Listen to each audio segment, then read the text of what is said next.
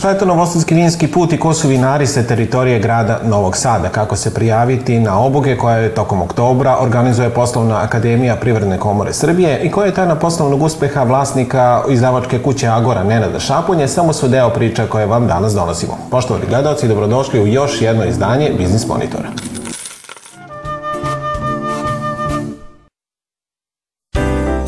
Cene industrijskih proizvoda u septembru ove godine u odnosu na isti mesec 2021. godine bile su veće za 15,3 odsto, objavio je Republički zavod za statistiku. Najviše su porasle cene u proizvodnji koksa i derivata nafte za 63,5 odsto. Zatim u proizvodnji papira i proizvoda od papira gde je zabeleženo povećanje od 35,9 odsto, te preradi drveta i proizvoda od drveta, plute, slame i pruća osim nameštaja, sa poskupljenjem od 28,7%.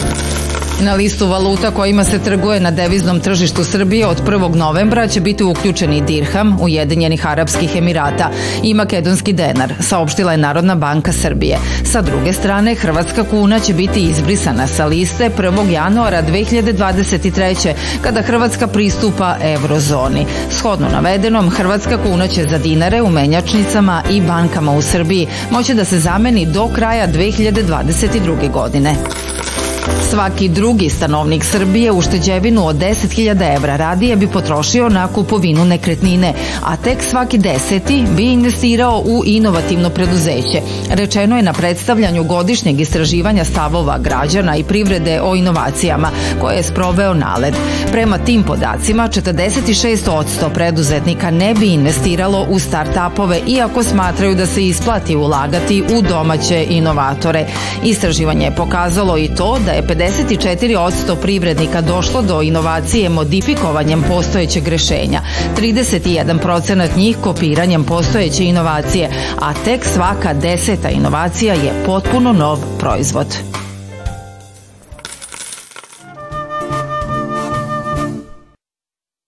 Protekle rade nedelje na produktnoj berzi u Novom Sadu zabeležen je pad količinskog i finansijskog prometa, a cene primarnih poljoprivrednih proizvoda su uglavnom stagnirale.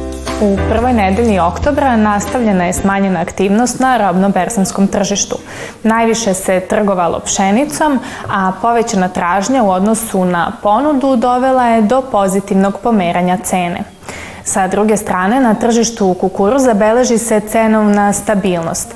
Prisutna je i dalje smanjena ponuda, a kupci su najviše interesovanja izrazili za kukuruzom sa vlagom do 14,5% i e, sa produženim lagerom. Soja ove nedelje izostaje iz berzanskog trgovanja. Razlika u ceni između kupaca i prodavaca dovela je do odsustva ove uljarice iz ravnoberzanskog trgovanja. Kada je reč o svetskom tržištu, američka pšenica i soja su pojeftinile na čikaškoj berzi, a kukuruz je poskupeo. Na kraju protekle poslovne sedmice na Beogradskoj berzi ostvaren je promet od oko milijardu dinara, dok su berzanski indeksi zabeležili rast. Nakon što su zemlje izvoznice nafte OPEC+, Plus, koja uključuje i Rusiju, odlučile da smanje proizvodnju nafte, usleduje novi rast cena crnog zlata. Kraj protekle radne nedelje na svetskim berzama svi najznačajniji plemenici metali su dočekali sa padom, a bazni sa rastom cene.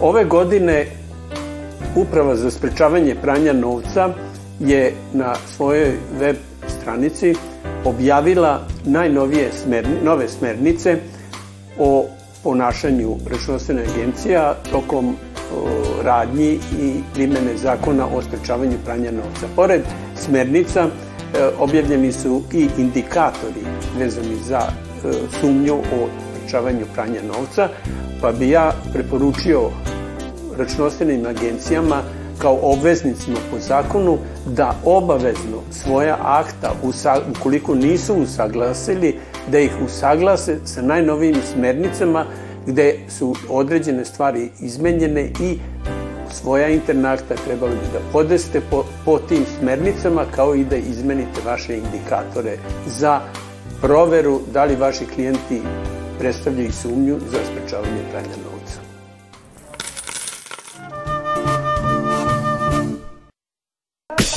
Kada i sami novoseđane pitate nešto o vinu i vinskom turizmu, prva asocijacija su im Sremski Karlovci ili nekome stašce na obroncima Fruške gore i baš će vas tamo uputiti da nešto kvalitetno popijete i pojedete. Takođe, interesantno je i to da su stranci putem Bookinga i Airbnb-a bolje informisani o vinarima sa teritorije grada Novog Sada nego sami novoseđani. Automatski nas ljudi pronalaze na osnovu naših njihovih recenzija.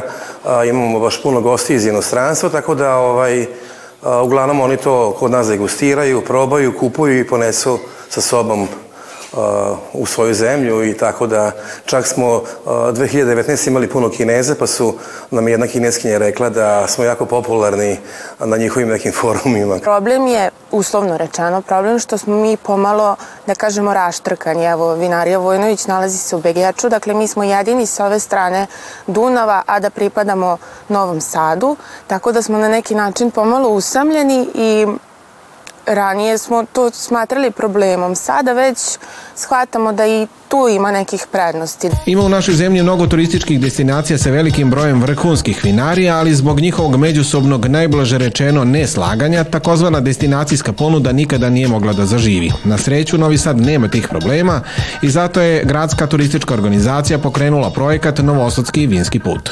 Imamo sedam novosadskih vinara koji su ušli u ovom prvom nekom ciklusu ovaj, u ovu našu priču zajedničku. Očekujemo da će nam se još priključiti, bit će nekih desetak u ponudi. I ono što je zanimljivo da mi i sa sremske strane, računajući sremsku kamenicu Ledinca i sa naše strane gde su, gde se i Begeč, možemo napraviti lepu, kružnu ovaj, rutu, da možemo da uključimo i druge neke vinske pravce koje obuhvate i Banoštar i, i ta ideja da možemo imati zaista jedan fantastičan vinski put. Vinski turizam je u povoju, značajnom povoju i kada radite ispitivanja dolaska domaćih i stranih turista, razlog je za dolazak u Novi Sad, vinski turizam i gastronomija sve veće mesto, više mesto zauzimaju. Tako da je to bila ideja i seli smo, mi smo pre svega imali nekoliko sastanaka sa tim našim vinarima, kažem našim sa teritorija grada, da vidimo kako i na koji način. Nisu sve novosadske vinarije podjednako razvijene. Neke su i dalje fokusirane na proizvodnju i preradu grožđa, dok su druge dosta odmakle i u razvoju ugostiteljske ponude. Upravo zato je svakom od njih potrebna drugačija vrsta pomoći. U svakom aspektu bi trebala imati neku pomoć, najviše u, u procesnom smislu, dakle za sada imamo opremu što se tiče procesa proizvodnje vrhunsku, ali nam je potrebna pomoć u smislu punjenja, dakle skladištenja vina, e, etiketiranja i tog dela posla, dakle završnih faza, a na kraju krajeva i degustiranja, odnosno pomoć u vidu izgradnje degustacione sale. Da bi Novosadski vinski put zaživeo na pravi način, Gradska uprava za privredu je kreirala konkurs gde svako od lokalnih vinara u skladu sa potrebama može dobiti finansijsku pomoć i to u iznosu do 90% vrednosti investicije maksimalni iznos po jednoj prijavi koliko može da dobije pojedinačno vinar jeste milijon i po dinara, što jeste zaista značajna suma i zaista tim ono što je prihvatljivo od troškova, odnosno od opreme, jeste manje više sve ono što su i vinari rekli kada smo razgovarali sa njima.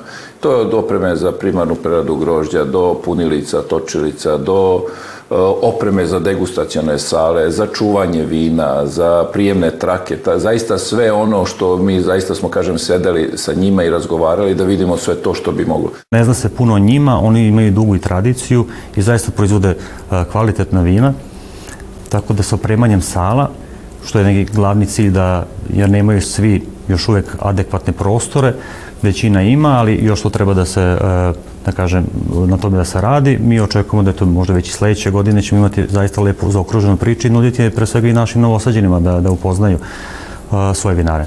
Proizvodnja vina i sam vinski turizam neodvojivi su deo takozvanog gastronomskog turizma i zato ta jedinstvena ponuda ne može ozbiljno da se razvija bez saradnje lokalnih vinara i ugostitelja. Mi tu ponudu imamo zaista kvalitetno i dobru, ali nije povezana i uvezana. S ovom nekim našim daljim aktivnostima možemo sve to lepo da uvežemo, da u vinskim kartama se nalazi vinski put, a opet s druge strane i da neka jela možda koje i ne postoje, da možda i smislimo zajedno pa da lepo uvežemo sa ovim sortama vina koje su karakteristične za naš vinski put. Vinske ture u čitavom svetu funkcionišu tako da turisti ne idu samo u jednu vinariju, nego se trude da ih obiđu što više. U nekim zemljama postoje čak i vinski gradovi, a to u praksi može da funkcioniše samo ako mali vinari jedni drugi ne vide kao problem. Fruškogorsko vinogorje zaista daje dobra, kvalitetna i ozbiljna vina i mi ne možemo sada da govorimo o tome da li su bolja vina iz ove ili one vinarije. Svaka vinarija pravi vina koja će doći do, do svog potrošača. Tako da mislim da će nam takav pristup samo oduzimati energiju i crpeti nas bespotrebno, a možemo da je usmerimo na neki drugi način. Svi mali vinari uh, imaju osobinu da se trude da im vino bude što bolje i mi na tim i druženjima uh, degustiramo uh, vina od drugih vinara i, i, i gledamo da napredujemo. I cilj je da svi budemo da imamo visok, visok kvalitet. I mislim da je to budućnost u, u saradnji. Mi smo toliko mali da ne možemo da ugrozimo jedan drugog uopšte. Postoji ona izreka koja kaže ne možeš da budeš vinar ako nisi dobar čovek. Na sreću novosadski vinari zaista jesu dobre osobe i zato projekat Novosadski vinski put ima ispunjen najvažniji preduslov za uspeh.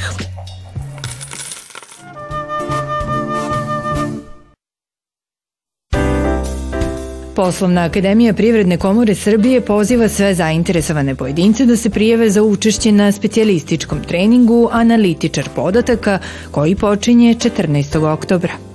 Analitičari podataka su stručnjaci koji su zaduženi za prikupljanje, obradu, analizu i vizualizaciju poslovnih podataka. Njihov fokus je da prikupe sve informacije relevantne za proces, e, poslovne procese i e, izdaju iz toga i iznesu informacije koje su bitne za prosto trendove i uticaje na poslovne promene.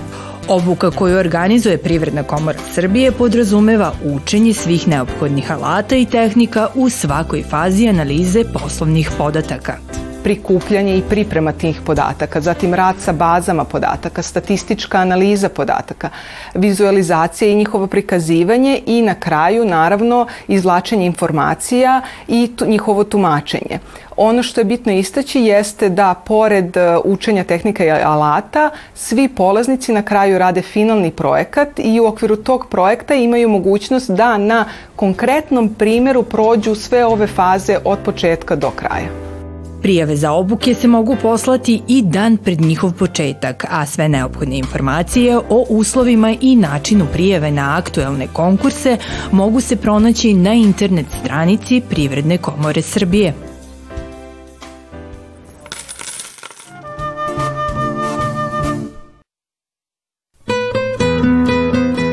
Kada su u staroj Grčkoj govorili Agora, mislili su na gradski trg gde zasjeda skupština a kada danas u književnom svetu kažete Agora, onda mislite na izdavačku kuću književnika i književnog kritičara Nenada Šaponje iz Novog Sada.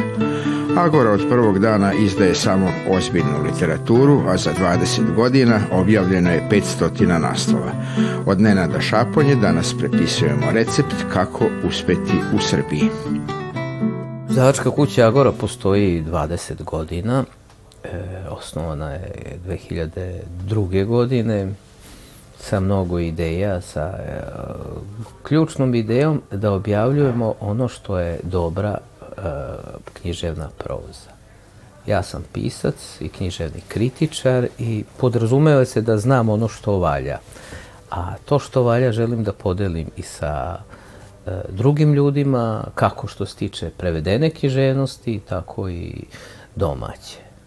Tako da ušao sam u to zato što sam upravo imao tu prednost. Kada neki čovjek koji ulazi u biznis, pogotovo u biznis izdavaštva, a nije i sveta književnosti, što se često dešava, on mora da ima urednika, mora da ima razne čitaoce, mora da ima poverenja u njih i to je u stvari najskuplje. To je srce svake izdavačke kuće jeste urednik. Ma ko da je vlasnik, ma kakva da je struktura kapitala. Eto, moja prednost je ta što ja jesam taj urednik, e, ja sam najskuplji, tako da, tako da kao preduzetnik nisam morao da plaćam urednika. Urednik mi je radio i to odličan urednik za džabe. Mi smo inače objavili preko 500 knjiga za ovih 20 godina, što uopšte nije malo. Prvo je bilo nekoliko knjiga godišnje, u stvari u biznisu a za biznis ima trebaju vam i ideje, trebaju vam ljudi, a treba vam i novac. Džaba vam najbolje ideje ako ne možete pokriti u bilo kom biznisu to sa novcem istovremeno. Džaba vam i novac ako nemate prave ideje i ako ne možete kroz prave ljude da ih realizujete. I to je, ja mislim, krugo pričamo o biznisu pre svega i to je ono u stvari što je ključno. Kakav to čovek treba da bude da bi bio pravi preduzetnik? Kažu da treba da ima ideju, hrabrost, upornost, srećnu zvezdu, nešto peto, sve to zajedno. Kako je bilo u vašem slučaju? Morate biti izdržljivi, hrabri, pametni, morate imati sreće, uvek, u svemu, pa i u biznisu, u biznisu pogotovo. I ono što je zanimljivo za biznis, i možda ovako i destimulativno, kada pogledate, možete vrlo brzo shvatite, možete u e, cela proizvodnja, prodaja u ovom smislu je jedan lanac. Znači, morate povući jedan, dva, tri, pet poteza, deset poteza i možete uraditi devet fantastičnih stvari. I ako desetu ne uradite kako treba, ili nemate sreće, ili nešto se iskrene iz jalovi, pa vi ćete propasti. I to je vrlo surovo i morate biti na to spremni, morate biti snažni, otporni i morate biti oprezni. Šta je u vašem poslu najteže? A šta opet najlepše? Biznis mora da bude spreman, da donese odluku i da je sprovede najkraćim mogućim putem. I sad šta je to lepo, bar meni je lepo, e, što odmah vidim rezultat. Morate e, fantastično dobro znati matematiku da ne bi ušli u e, negativne rezultate. A negativni su opasni zato što jedan pogrešan potez vas nema. To je ko hodanje po ledu. I stalno, i bez obzira koliko postojite, koliko ste iskusni, koliko moguće da napravite sledeći korak i da zakoračite na, na tanak led. I to je u stvari najveća opasnost, ali najveća izazov. Možda možemo i ovako da kažemo da je bavljanje biznisom u stvari jedan od adrenalinskih sportova. Pa sad ko to voli, ko to može, otvoren su mu vrata, nisu svi ljudi za to. Među prvim piscima koje je objavio na srpskom jeziku bila je Doris Lessing, koja je postala svetski poznata i priznata tek kada je dobila Nobelovu nagradu. Pitamo Šaponju kako nanjušiti Nobelovca, pošto mu to nije jedini slučaj. Ta druga knjiga je bila Petu dete Doris Lessing i zanimljivo što se tiče prodaje, e, knjiga se jedno četiri godine prodavala prodato je 300 primjeraka, nije bilo nekog velikog interesa. Ja sam znao da je Doris Lessing veliki pisac. To je jedini razlog što sam objavio, e, što sam je objavio. Međutim, stvari su stajale, ali nekako 2007. ona dobije Nobelovu nagradu. Kako je dobila Nobelovu nagradu? A ja sam imao, ne znam, skoro 700-800 knjiga u magazinu za koje niko nije bio zainteresovan. Ja sam to prodao u roku dva dana. I naime, krenuo je drugi tiraž, treći tiraž, znači to je krenulo, ali što je još važnije, pošto sam ja želeo da objavljujem nju. A nisam mogao. I kako je to stajalo, eto, to je problem, problem izdavača i ljubitelja književnosti, znači imate dobru knjigu i dobrog pisca, a nemate, nemate odziv. Znate da je sve u redu, ali opet nešto tu ne stoji. I šta onda, kad se ovako nešto desi, e onda možete da ostvarite svoju želju da objavite više njenih knjiga. Ja sam umeđu vremenu objavio deset knjiga Doris Lessing. Znači, i što je najlepše, e, objava Nobelove nagrade uvek, ne znam, drugog utorka u okto, drugog četvrtka u oktobru, a 8. decembra se dodeljuje u Štokholmu i za to kratko vreme ja sam objavio četiri knjige. Ja sam uh, Doris Lessing. Ja sam imao, znači, već 10. decembra, odnosno 8. decembra sam imao pet knjiga u prodaji Doris I to je onda komercijalni uspeh. E tako, tako da morate imati malo i sreće, znači sa prvom knjigom da uspete, odnosno drugom da uspete da pogodite, makar i nakon četiri godine. E sada, šta je tu još zanimljivo? Kažu u biznisu, izdavačkom, znači neka pravila, postoje i pravila, neke zakonitosti, otprilike treba da objavite 50 knjiga da bi imali jedan hit koji donosi pare. Znači, može, mogu da opstanu samo najbolji, najjači i finansijski najjači. U proseku 50. Može to da bude ako baš nemate sreće i stota, a ako baš imate sreće možete i na početku tog reda od 50. I ja sad iz ove perspektive, recimo iza tih 500 knjiga, mogu da potvrdim da ti veliki brojevi imaju smisla. Da, dođete do desetak, desetak naslova, ako imate 500 knjiga, desetak naslova imate koji će vući stvari i donositi novac zaista. Kako je uopšte biti preduzetnik u Srbiji danas? Šta vam je u tome lepo, što ste sam svoj gazda, a šta vam najviše smeta? Sam prvo otvorio knjižaru. Jednu u Zrenju sticam okolnosti, moja supruga imala poslovni prostor na dobrom mestu i ja sam mislio da je to dovoljno. Pošto sam se opet razumeo u knjige, meni je jednostavno bilo da napravim knjižaru. I to sam otvorio. Sve misle da se bavim izdavaštvom, ali ovo je nekakva srodna delatnost i moglo bi da, da bude od pomoći. I bio sam, verujte mi, uporan 16 godina e, investirao, investirao iz izdavaštva u tu knjižaru i na kraju sam je morao zatvoriti i prebaciti u digitalni format, na internet. Na internetu može da funkcioniše knjižara danas, u malom gradu ne može. Znači, to tačno se vidi, znači, e, knjižara u gradu manjem od 50.000 stanovnika danas ne može da opstane. Prosto su takve potrebe. I znači vidite to, da se vratim na tu, vidite da radite uglavnom za druge i da ste vi u stvari, e, ako ste hteli da budete samostalni, ali vi u stvari radite za svoju državu, radite za svoje zaposlene, a vi ste uvek na poslednjem mestu. I druga stvar koju kao privatnik morate shvatiti, barem tako je u početku, šta je najjeftinije u početku vreme. Vi ga imate i vi ga nemilice trošite, znači ne radite radno vreme od, ne znam, 6 sati ili 8 dnevno, nego radite 14 sati, 16 sati dnevno, od jutra do mraka, onda dođe vikend, a vi, e, super, imate i subotu i nedelju pa možete da radite i tako nadoknadite što šta što nemate tim vremenom i tako gradite, gradite, gradite i onda shvatite u stvari da ste vi rob svoga posla kakav svaki jeste privatnik, dok to ne shvati pa onda definiše granice, definiše vreme i vidi koliko može i vidi da je jeftinije da plati nekoga da nešto radi, a ne sam da radi. Ali to mora da ide dalje i morate biti dovoljno uspešni da bi, da bi do toga došli. I na kraju Biznis Monitora mi uvek pitamo šta je za vas poslovni uspeh, a šta lična sreća ako postavite sebi cilj da zaradite, ne znam, milion, dva miliona, pet miliona evra, a ne postignete to, onda ste vi neuspešni.